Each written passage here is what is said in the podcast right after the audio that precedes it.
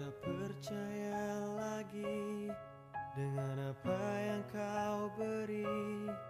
Aku terdampar di sini, tersudut menunggu mati. Aku tak percaya lagi akan guna matahari yang dulu mampu terangi sudut gelap hati ini. Penyair tidak pernah benar-benar mabuk, kecuali dalam puisinya sendiri. Kesepian juga bukan kesedihan. Jangan lupa, terbangkan balon keberuntunganmu hari ini. Perihal di antara kita, kau atau aku, yang lebih dulu terbuai luka, tenggelam dalam bahagia. Kita pernah menertawakannya beberapa tahun lalu. Kehidupan memang seperti parafin tersulut sumbu.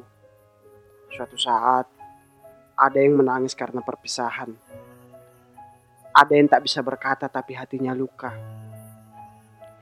Ada yang bibirnya gemetar ketika menyebut nama seseorang dalam doa panjang. Ada yang melepas dengan rela. Dan ada yang setia menyendiri dengan kenangan hampa. Bagiku, Syair bukan hanya kumpulan kata-kata, tetapi sebuah ungkapan hati dalam jiwa yang meronta dalam kesepian. Aku memang telah jatuh hati padamu, tetapi termentalkan. Bagaimana bisa kau jatuh hati pada kesepianku? Sedangkan dadamu adalah kota yang sangat ramai. Sepanjang jalan, lampu dan bunga berjejeran betapa riuhnya para kembara yang tiba.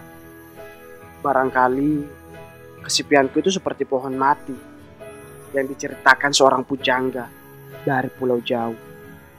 Atau sungai-sungai layu, seolah mataku yang basah oleh tempias hujan dari jendela kayu.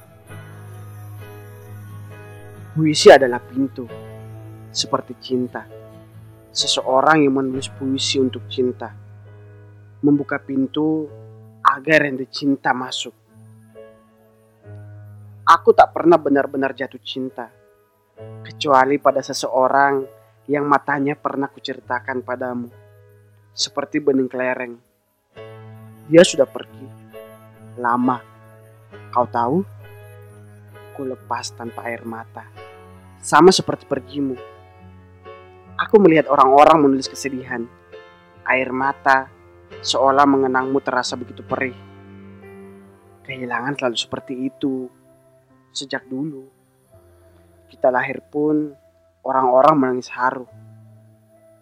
Kemudian kita pulang dan berkabung segala pilu. Tapi hari ini aku tak ingin menangis untukmu. Aku hanya tak tahu bagaimana menikmati semangkuk sup yang sedikit berlemak ini pada sebuah malam minggu dari mataku yang sembab.